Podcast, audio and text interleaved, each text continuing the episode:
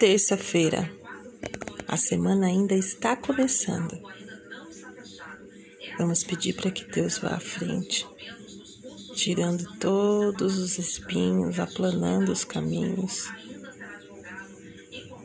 aplanando os caminhos acidentados. Em nome de Jesus.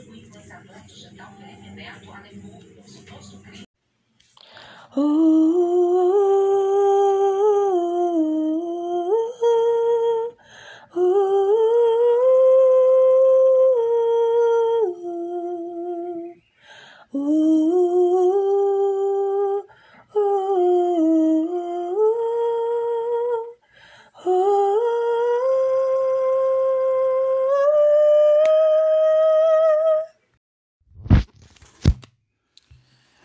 Paz do Senhor, queridos irmãos, em Cristo Jesus. É, eu quero, é, nesta manhã, né, que será publicada à noite, mas eu quero meditar um texto da palavra do Senhor e compartilhar uma palavra que há meses né, o Senhor tem queimado em meu coração, meu espírito tem sido nutrido com esta palavra e ela se encontra na primeira carta de Paulo aos Tessalonicenses, capítulo 5, verso 23. O texto diz assim: O mesmo Deus da paz os santifique em tudo, e que o espírito, a alma e o corpo de vocês sejam conservados íntegros e irrepreensíveis na vinda de nosso Senhor Jesus Cristo. Paulo escreve à igreja de Tessalônica e ele está escrevendo é, aos irmãos é, de Tessalônica por volta mais ou menos do ano 49, é, entre 49 e 51 depois de Cristo, e isso se dá logo no início de sua segunda viagem missionária, né, na qual, é, num período de 18 meses, ele, ele, esteve em Corinto. Então, Paulo está em Corinto quando ele escreveu é, essa carta aos irmãos é, de Tessalônica. E é interessante notar que é, o tema mais preeminente aqui dessa carta, né, tanto da primeira carta como da segunda carta, é a segunda vinda de Cristo. E isso está enfatizado em cada capítulo deste livro. Né? No dia da, da, futura volta de Cristo, os mortos em Cristo ressuscitarão e seremos arrebatados juntamente com os vivos para se encontrar com o Senhor nos ares. Isso está no, no capítulo 4, verso 15 a 17. Os incrédulos serão submetidos à ira de Deus, mas os cristãos serão poupados e, em vez disso, herdarão a, a salvação. Né? Capítulo 1, verso 10, 5, verso 2 ao 4, é, verso 9 ao 10 também. Aqueles que estão destinados a participar como santos, né, literalmente os santificados na segunda vida, devem ser íntegros e irrepreensíveis, que é o texto que nós lemos, capítulo 5, verso 23, e capítulo 3, verso 11, 4, verso 8 também vai, vai nos dar essa mesma ideia, essa mesma é, conotação. E é interessante notar que Deus é fiel, isso está na carta, ele vai produzir a santidade na vida daqueles que ele chamar. Capítulo 5, verso 24 está relatando isso. É, bom, esse livro, esse texto né, que nós é, estamos é, meditando, ele está inserido no capítulo 5, é, e é interessante nós notarmos né, que Paulo começa do capítulo 1 até o capítulo 3, ele fazendo lembrança né, do seu ministério entre os irmãos da Tessalônica. Ele relata a sua preocupação com o estado da fé deles. Né, e capítulo 4, verso, verso 5, já começa com exortações ali é, características sobre assuntos né, tais como pureza sexual, caridade responsável, estima e apoio de, de líderes aos líderes, né, a paciência e prestabilidade em relação a várias necessidades humanas. E a carta termina com várias exortações finais. Amém? Mas o tema aqui, para esse texto que nós lemos, é a santificação total, que está implícito aqui no texto. E eu gostaria de, antes de adentrarmos no tema, o porquê nós precisamos é, desse tema nesta época, neste momento da história em que estamos vivendo.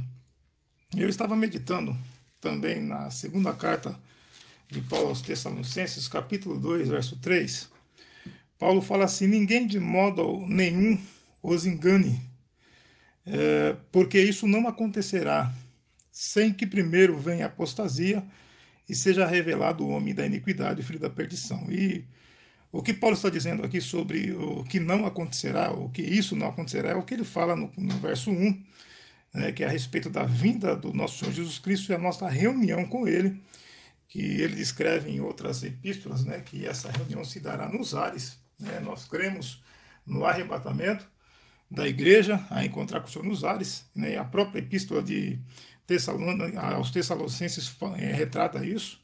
E é interessante aqui, é, quero antes de entrar no tema, né, e até frisar, o, é, a gente colocar um pouquinho o porquê desse tema, o porquê o Senhor tem me chamado a atenção esse tema de santificação total nessa época da história.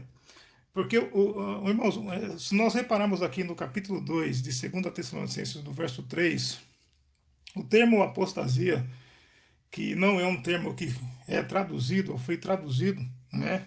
E é um termo que ele retrata, é, a, a, a, na verdade, ele é transliterado direto do original, né? portanto não é um termo traduzido, mas ele retrata o seu significado literal né? É dentro do, do contexto, ou vamos traduzir a palavra sozinha, ela tem a, a conotação de distanciamento ou separação.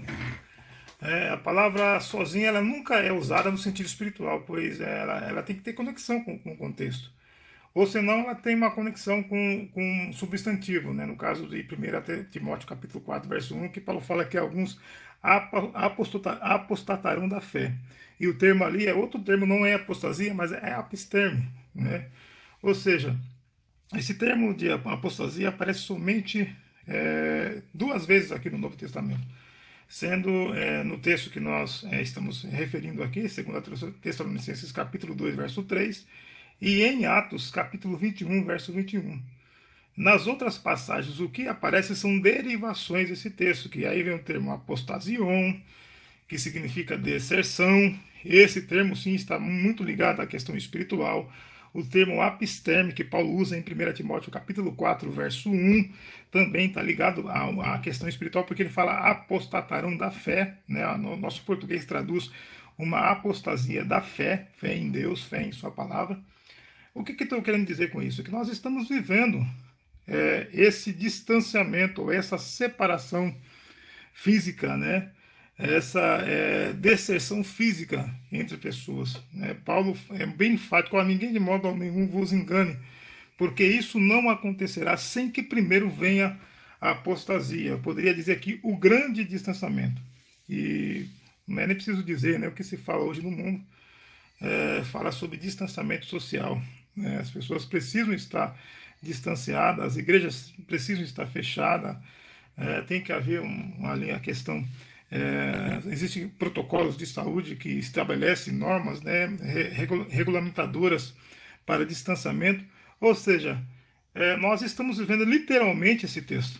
E estamos vendo também uma preparação política e, na geopolítica né, para o aparecimento do anticristo. Não sei se os irmãos têm acompanhado, mas lá, lá em Israel, no Oriente Médio, é, está sendo estabelecido vários acordos entre Israel e os países árabes, os países muçulmanos.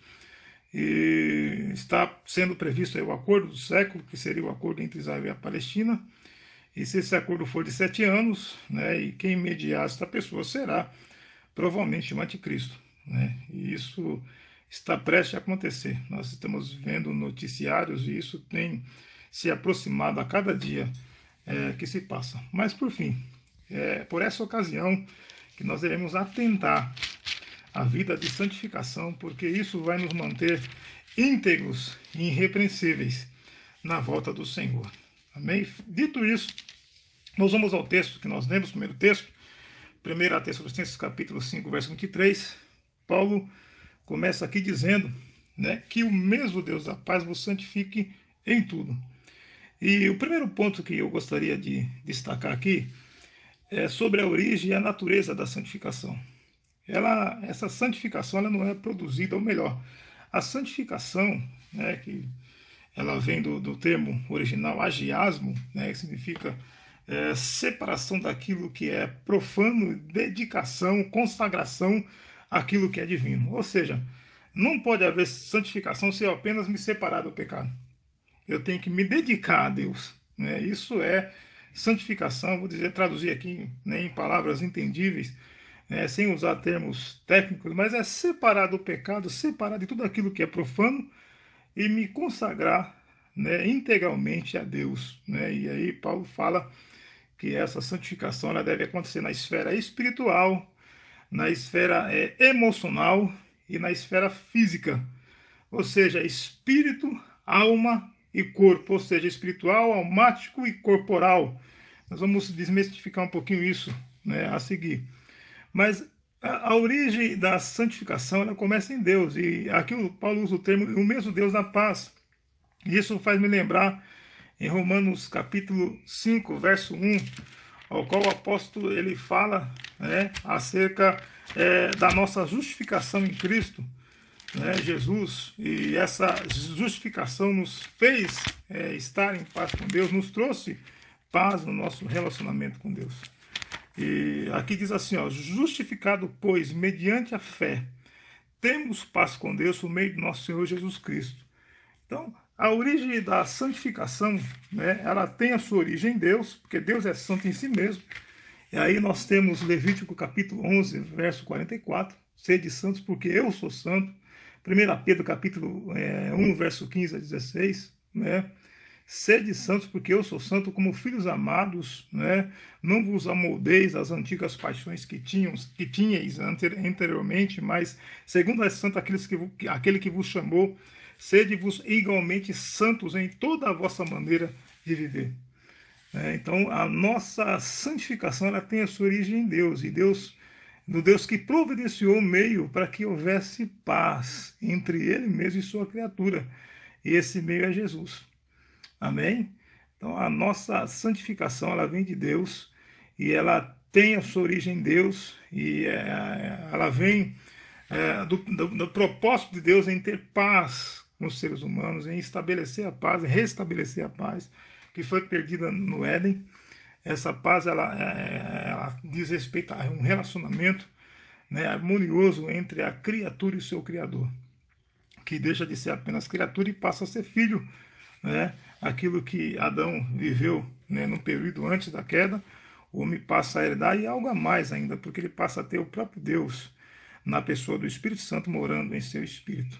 Amém. Segundo ponto, nós temos é, as etapas da santificação, que eu não quero a, adentrar muito, mas para que nós possamos entender o que Paulo está dizendo aqui sobre santificação total, né, que se encontra no verso 23, capítulo 5 de 1 Tessalonicenses, que lemos, é, nós precisamos ter em mente que a santificação ela tem etapas. Existe a santificação inicial ou posicional.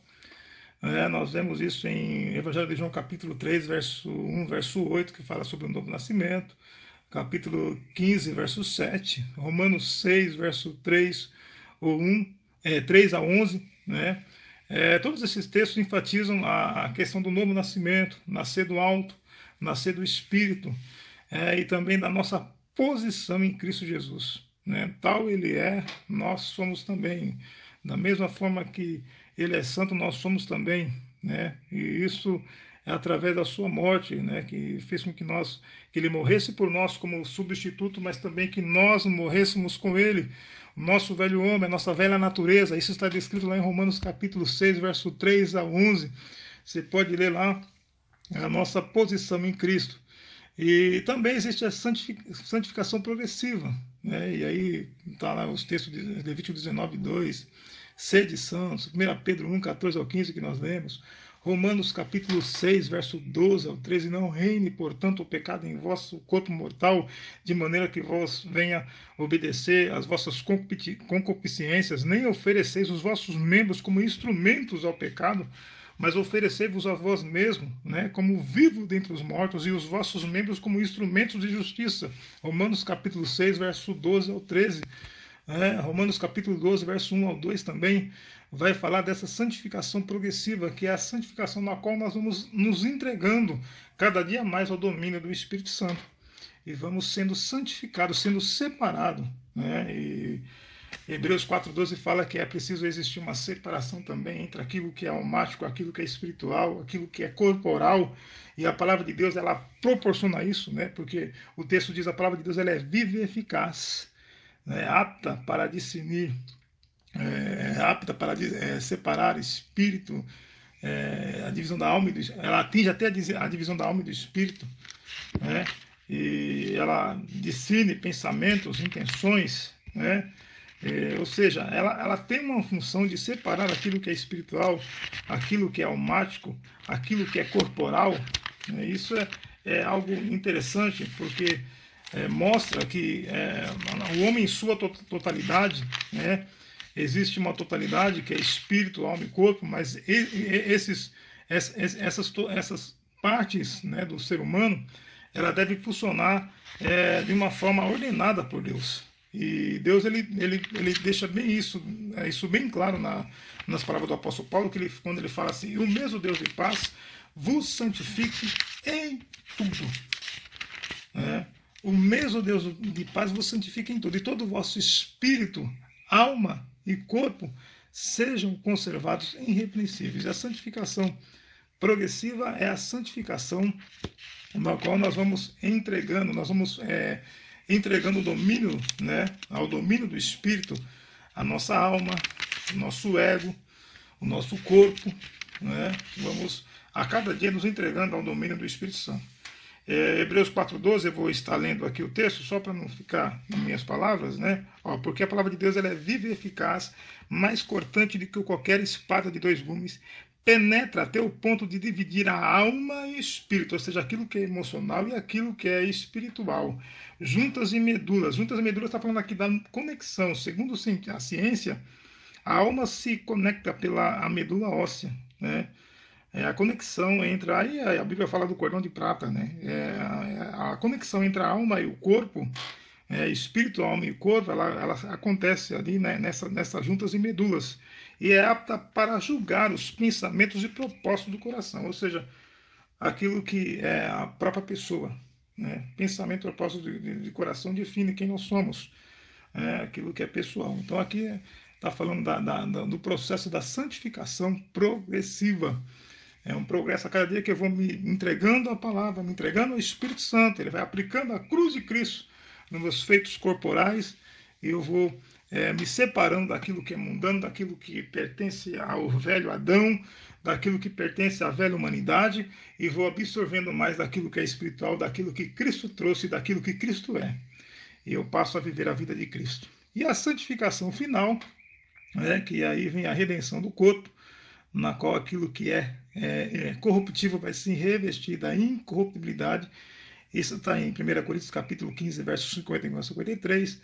Em 1 Tessalonicenses capítulo 4, verso 13 ao 17, está descrito, é, portanto, a santificação final, que é a redenção do nosso corpo, né, onde nós passaremos a viver eternamente com o Senhor, estaremos livres é, do corpo que é sujeito ao pecado, né, estaremos livres é, praticamente de uma alma que muitas vezes se inclina aos sentidos corporais. Amém? Dito isso, nós iremos, vamos a, ao tema, né, a, a, finalização desse tema, que é a santificação total. E Paulo ele, ele, é bem enfático quando ele diz o mesmo Deus de paz, vos santifica em tudo. E ele cita aqui o, o, que é tudo. E esse tudo aqui, esse tudo no original, vem do grego holoteles, que significa em todos os aspectos. Né? grego aqui é um termo chamado, é, denominado holoteles, que significa santificação em todos os aspectos. E quais são esses aspectos? E aí Paulo cita logo em seguida, né? Todo o vosso espírito. Por que, que ele começa com o espírito? E não começa, não começa com a alma, não começa diretamente com o corpo. João 4, 24 diz que Deus é espírito. Então, nosso relacionamento com Deus ele não acontece na esfera do sentimento, das emoções, mas na esfera é, do espírito, porque Deus é espírito e a santificação começa do espírito. E dentro do espírito nós temos três, apesar de vários órgãos né, que, que existem é, no nosso espírito, nós temos três órgãos principais: intuição, consciência e comunhão. Né? E eu gostaria de estar lendo alguns textos com os irmãos Primeiramente, Ezequiel, capítulo 36, versos 26 ao 27, vai nos dar um pouquinho dessa dissecação é, do, que do, seria, do que seria a santificação do Espírito, né? 36, 26 e 27 diz assim o texto: Ele, Eu lhes darei um coração novo, e porei dentro de vós um espírito novo. Tirarei de vós o coração de pedra, e lhe darei um coração de carne, porei dentro de vós o meu espírito, e farei com que andem nos meus estatutos e guardem aí observe os meus juízos. Né? Aqui o Senhor descrevendo algo acerca da restauração de Israel, que essa aplicabilidade, existe uma aplicabilidade a nós que somos o Israel espiritual de Deus. Né? O Senhor falando que ele é, o que ele ia é, realizar, a obra na, da graça, né, seria uma obra realizada do interior para o exterior. Né? Então ele começa primeiramente dando um coração novo, né? depois ele colocando um espírito novo, ou seja, colocando ali, restabelecendo o espírito que estava caído, colocando uma nova posição eh, nesse espírito, uma posição de comando. É, tirarei de vós o coração de pedra, e lhe darei um coração de carne. É, verso 27 fala: Porei dentro de vós o meu espírito, ou seja, o Espírito Santo só desce após esse espírito é, humano que estava caído ser reedificado, ser restaurado, ser renovado. Né? E aqui novo, não, não no sentido de que é, não existia espírito, mas no sentido de que esse espírito foi renovado. Porque o homem, desde a sua criação, ele é um espírito, ele é uma alma, ele é um espírito, possui uma alma e habita no corpo. Isso está é, implícito lá em Gênesis capítulo 2, verso 7. Né? Mas a santificação do espírito ela começa quando Deus ele restabelece é, a condição do espírito humano que estava caído. Em João capítulo, Evangelho de João capítulo 3, verso 1 a 8, o Senhor Jesus vai enfatizar que em não nascer da água do espírito não pode ver o reino dos céus.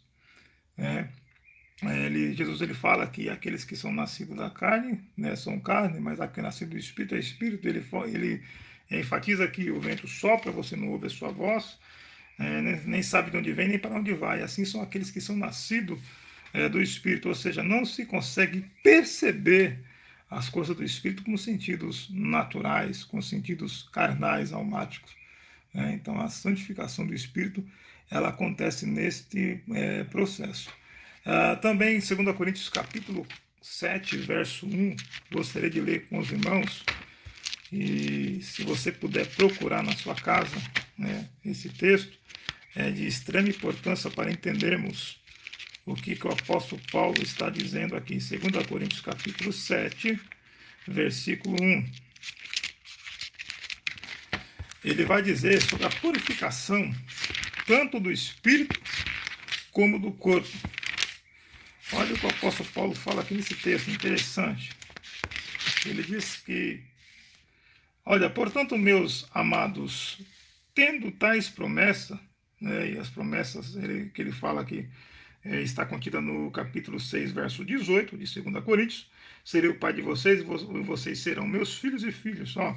Portanto, meus amados, tendo tais promessas, purifiquemo-nos de toda a impureza, tanto da carne como do espírito, aperfeiçoando a nossa santidade no temor do Senhor. Né? Ou seja, Paulo está falando que existem impurezas tanto da carne, né, que afeta os sentidos corporais, como também do espírito.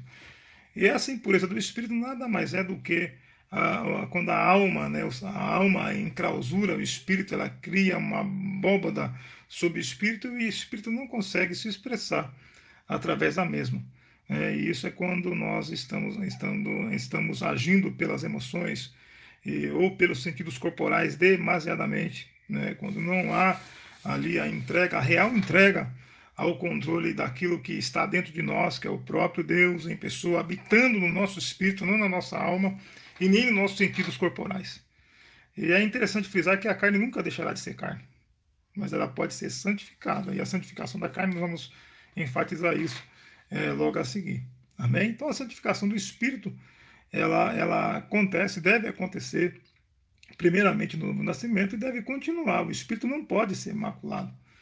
E Hebreus 4,12, foi o texto que nós lemos, fala que a palavra de Deus ela, ela divide, é, ela apta para dividir, penetra até a divisão da alma e do espírito.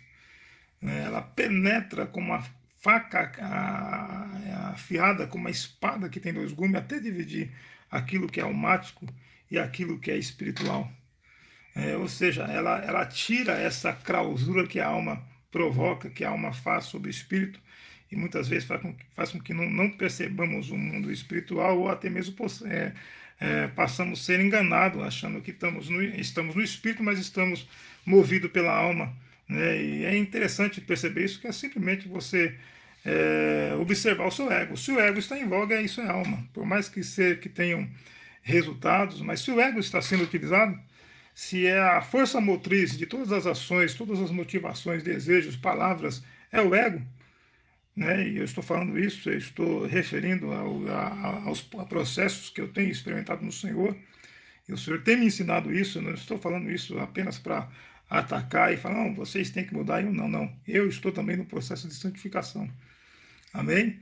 E a santificação é, do Espírito, ela deve acontecer através da palavra de Deus. A palavra de Deus tem que manter, tem, nós temos que permitir que a palavra de Deus mantenha o espírito no seu lugar, a alma no seu lugar os sentidos corporais no seu lugar.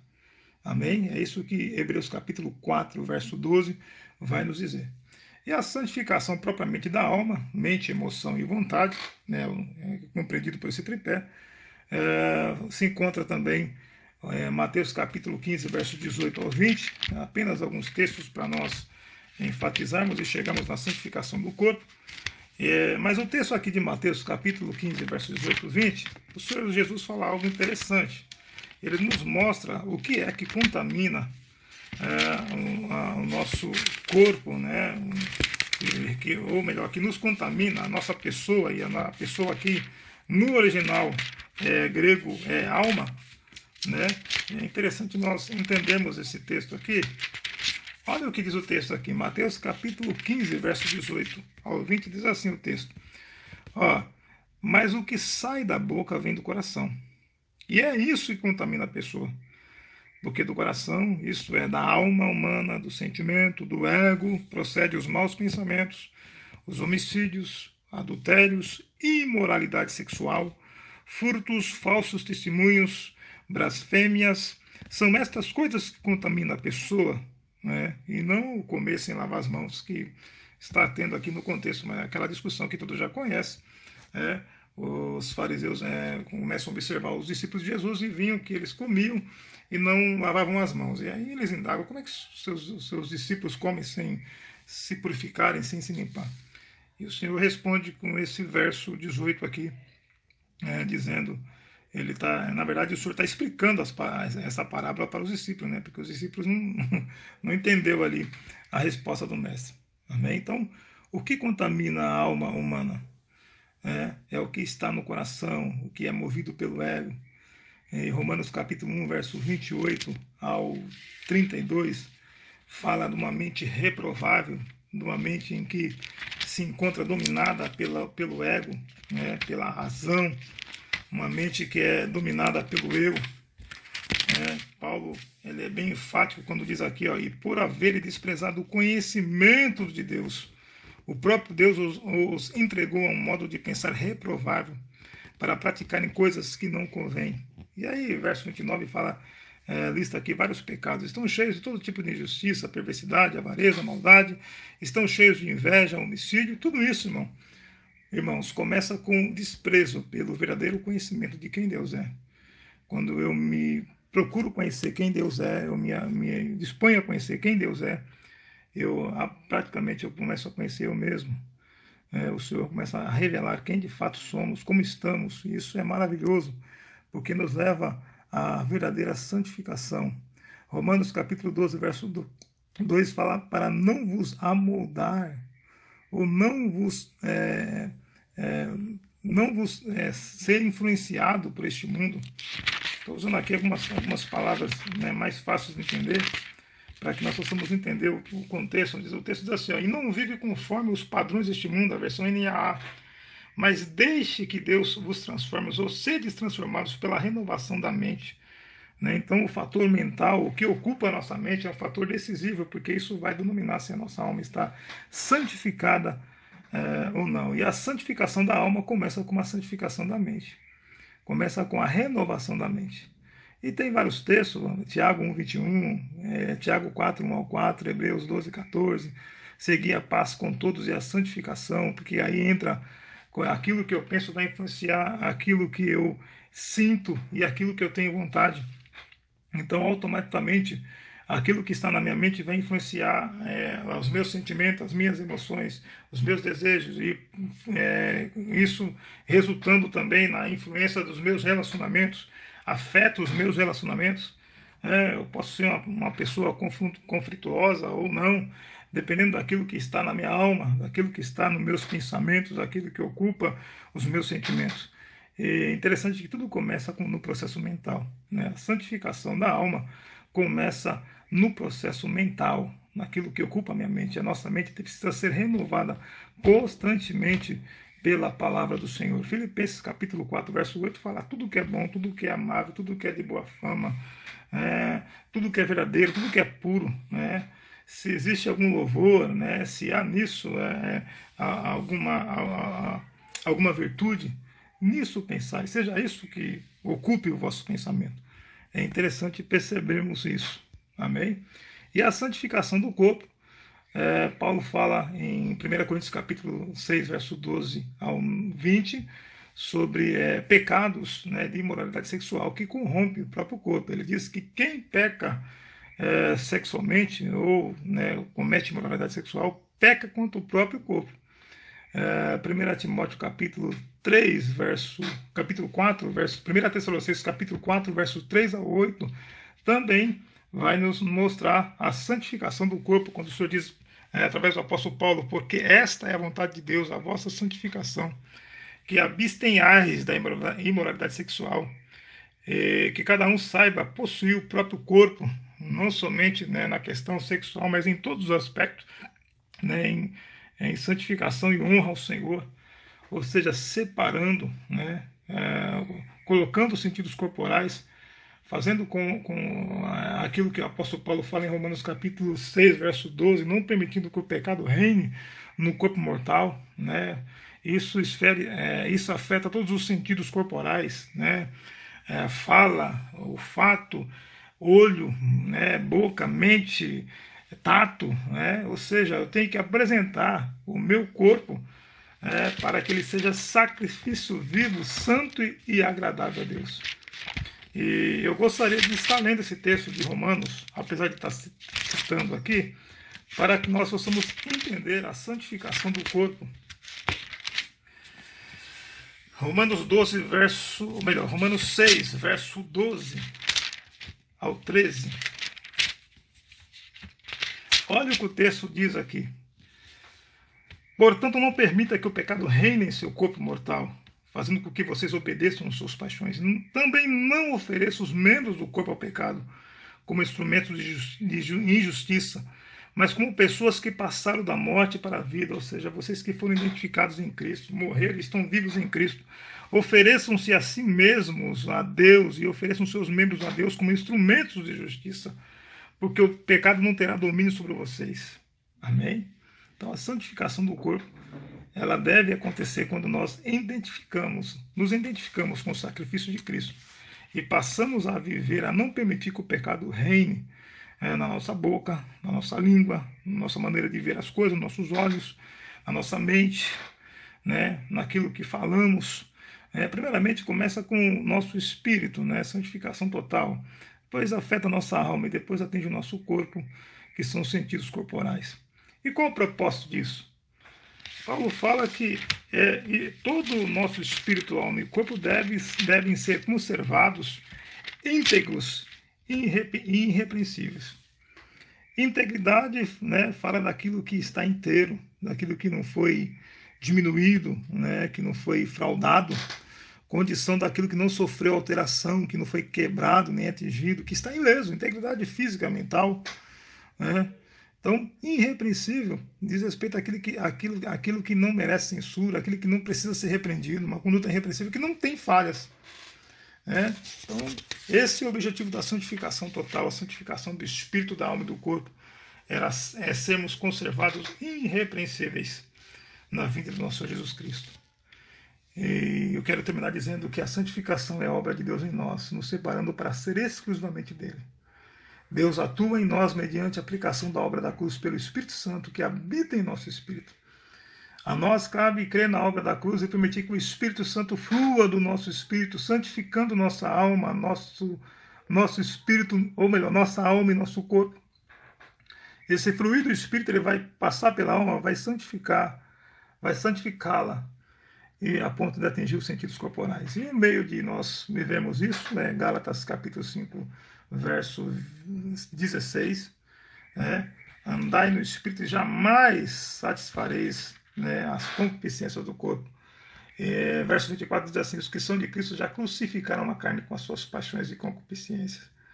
E interessante que o termo é, em Gálatas 5,16 não é corpo, mas é carne. Carne aqui diz respeito à alma é, dominada pelos sentidos corporais, né, o domínio da alma e o domínio do corpo.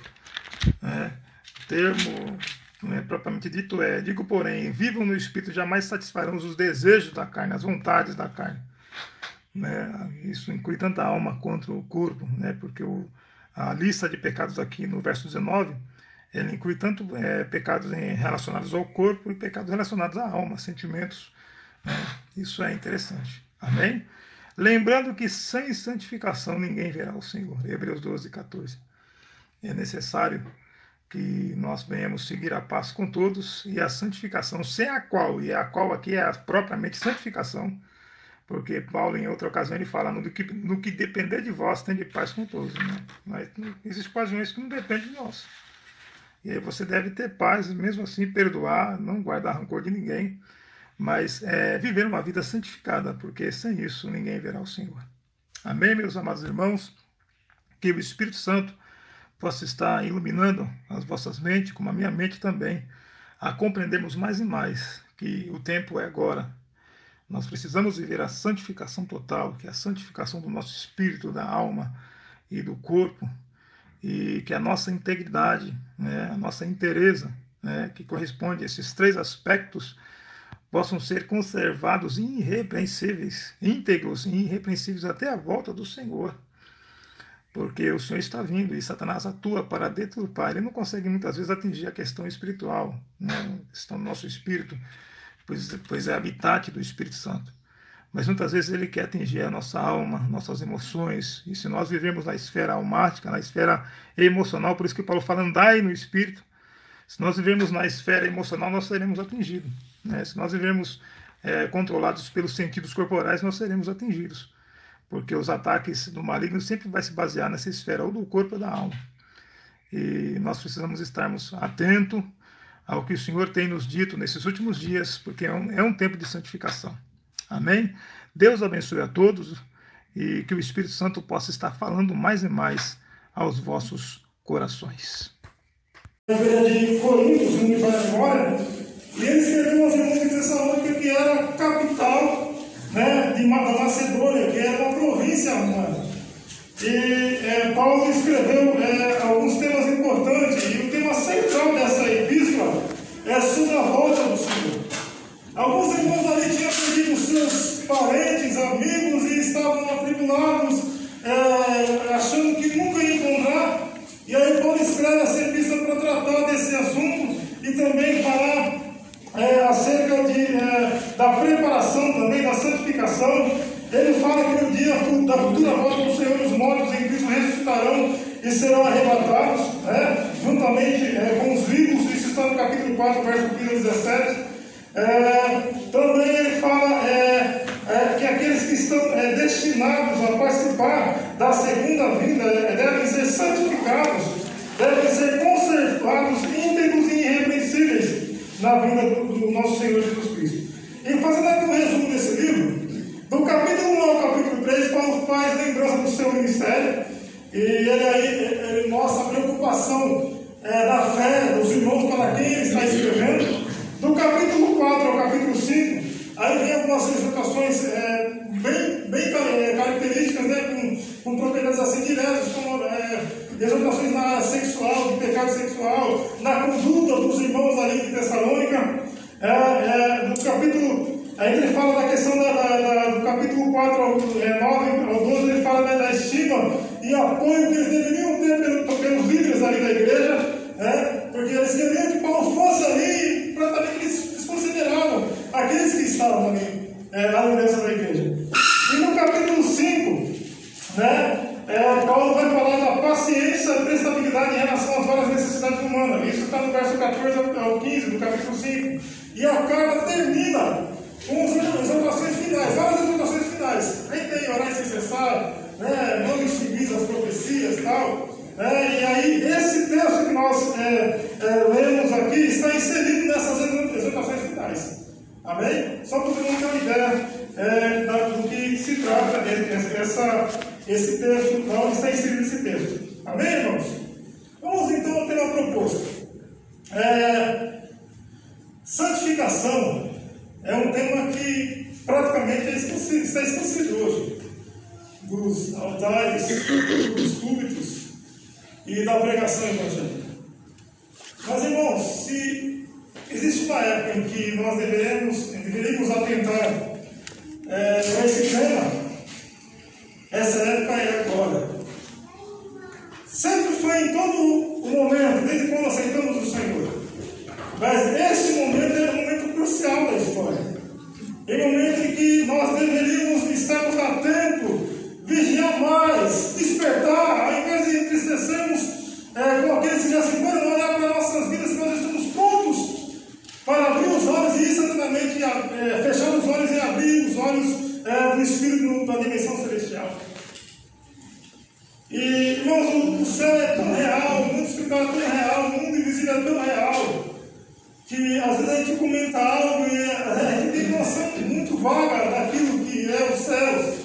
Somente aqueles que têm alguma experiência no mundo espiritual, no mundo invisível, porque o mundo invisível é uma coisa, o mundo espiritual é outra, e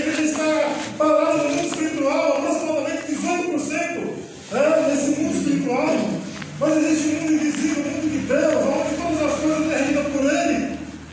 E para entrarmos nesse livro né, de espírito, estamos prontos, não temos medo de Covid, de nada, né, não seremos abalados como foi cantado aqui. É necessário santificação total. Santificação total é, significa é, é, santificação em todos os aspectos. E essa mensagem, ela, ela visa trazer esse entendimento. Esse entendimento claro. E talvez aqui eu vou estar pregando aqui os irmãos em forma de estudo. Só para os irmãos terem uma ideia, porque é um assunto muito profundo.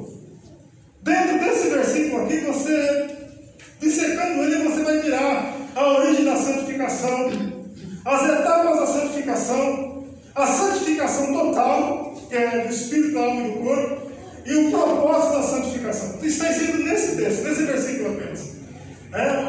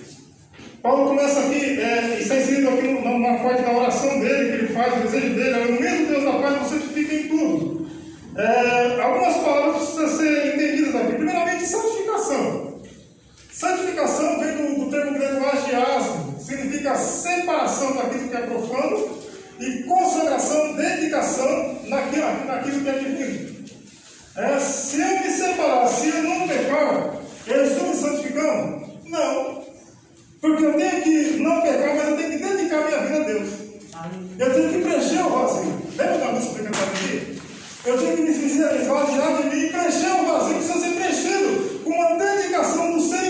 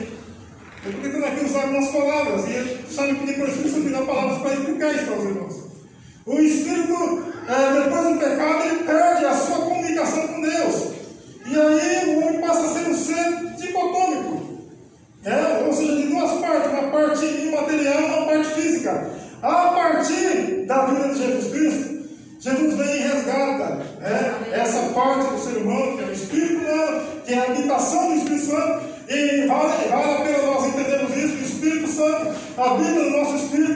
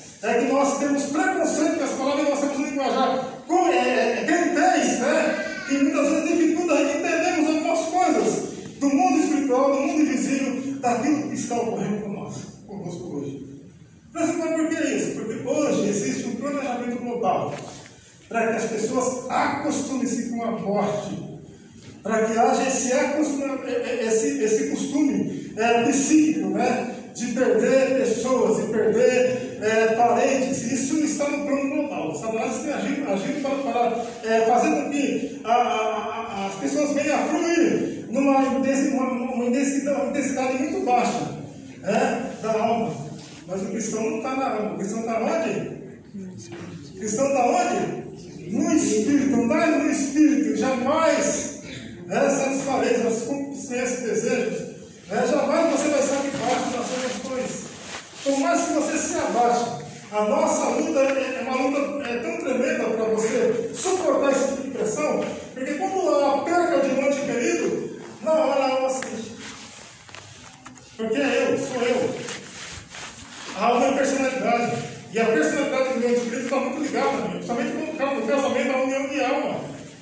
Chega e canta a alma subindo do Pai nosso, é, é, no casamento aquela união de alma, quando há a separação, há a morte, isso, isso traz um prejuízo tremendo para a alma.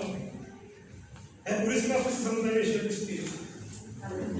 Amém? Amém? É por isso que foi ministrado aqui hoje. Precisamos do Espírito Santo. Glória a Deus. Ele está em você. Glória a Deus. Vida. Se para o Espírito Santo, permitir que ele flua na sua alma essas feridas serão curadas. Aleluia. Você vai ter dor, mas não vai ser uma dor que vai te Glória a Deus. Eu falo por experiência própria. Quando a minha mãe faleceu, como foi terrível, a tiração de prova, eu entrava no quarto e chorava. Eu sei que é muito mais terrível hoje, mas minha mãe era, era uma pessoa que eu, eu nunca imaginava que ia perder dessa forma. E quando o Espírito Santo falou comigo que eu precisava a, permitir que Ele dominasse as minhas emoções. Eu tive essa experiência na minha vida. Amém? É necessário haver santificação, dedicação do seu espírito e da sua alma. Nunca houve uma época como essa época. Amém, irmãos? Isso aqui é apenas uma introdução, para que a gente tenha ideia daquilo que vai ser tratado aqui nessa noite. Glória a Deus. Aleluia. Então vamos lá. Vamos repetir.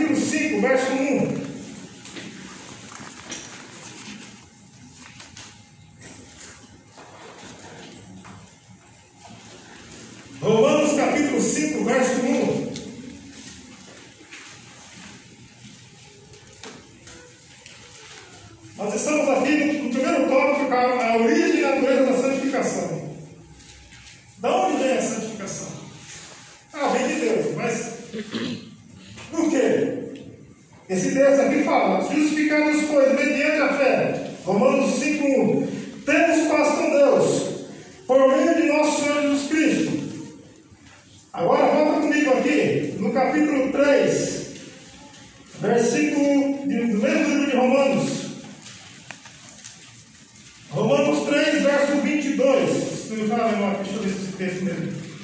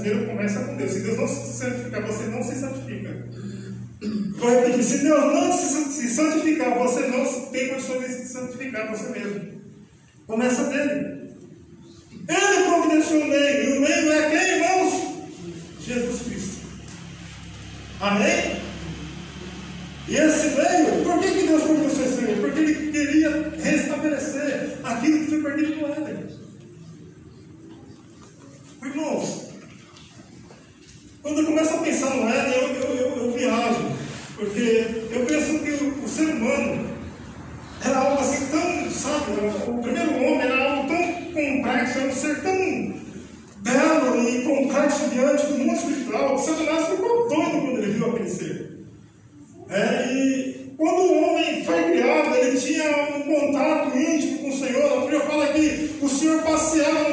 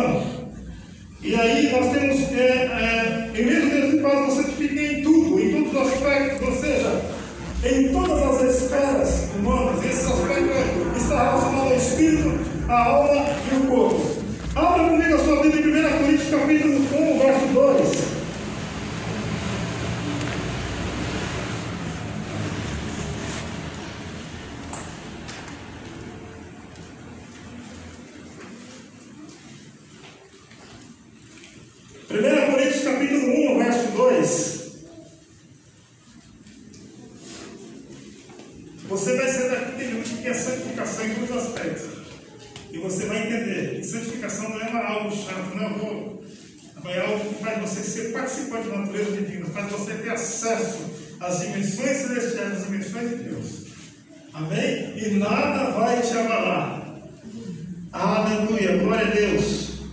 A igreja de Deus que está em Corinto, aos santificados em Cristo Jesus, presta atenção aos santificados, chamados para ser santos. Mas peraí, como santificados chamados para ser santos? Está entendendo aí o texto?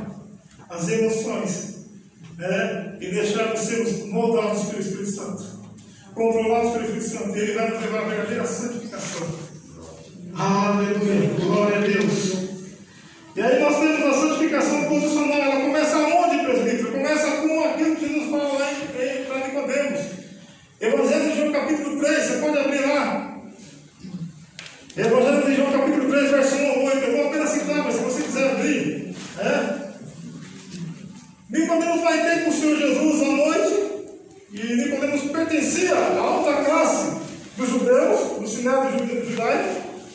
Ele ia até para Jesus, foi falar com Jesus né, na noite para que não fosse notado.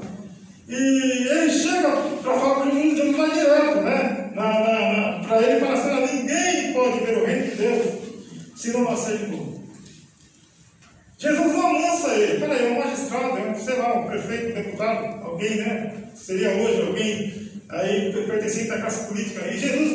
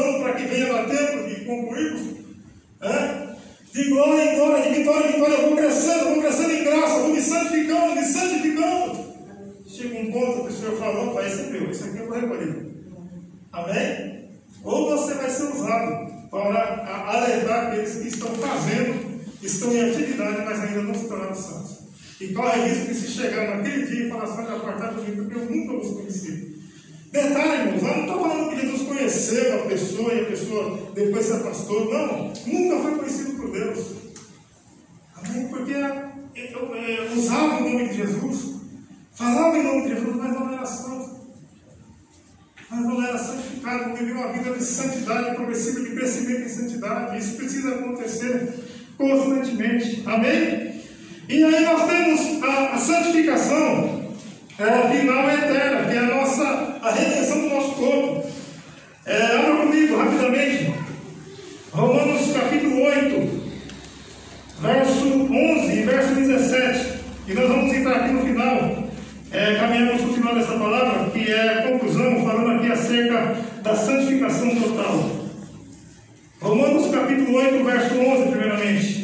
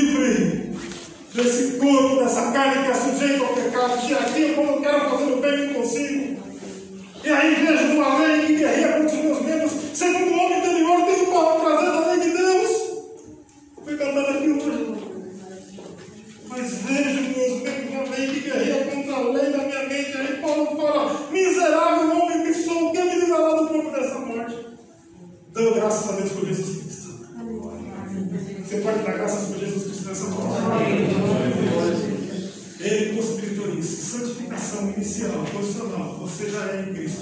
Santo. Você deve ser santo. Ser separado. Se santificar. Você deve. Agora, ansiosamente, a santificação final. A redenção do nosso corpo. A Bíblia fala, no momento, 1 Coríntios capítulo 15, verso 51 a 52, no momento, no abrir e fechar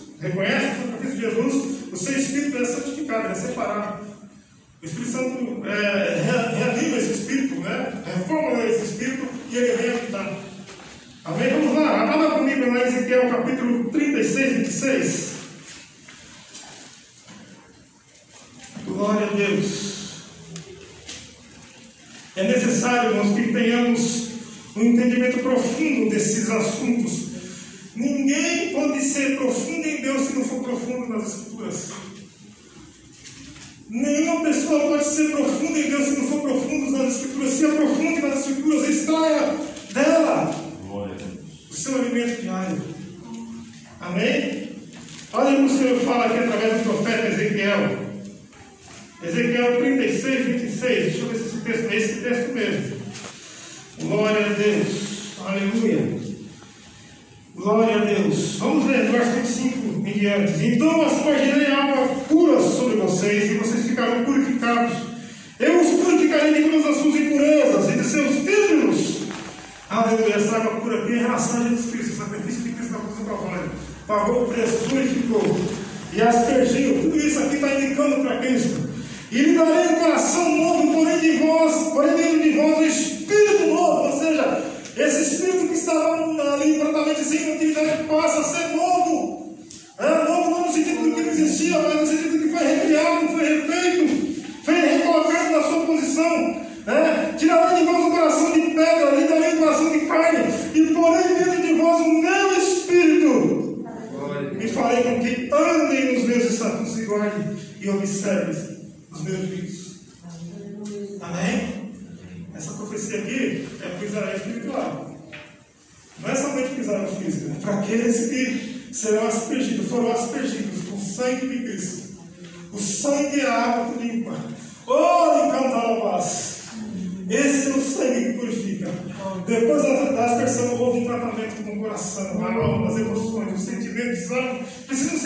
Precisa, ser, precisa um coração.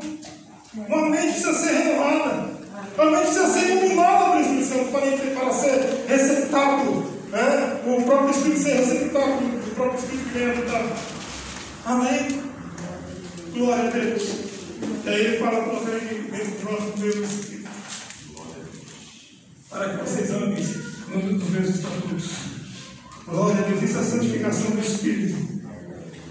Aleluia. Aí, 1 Coríntios, 2 Coríntios capítulo 7, verso 1, Paulo fala de impurezas da carne e do espírito.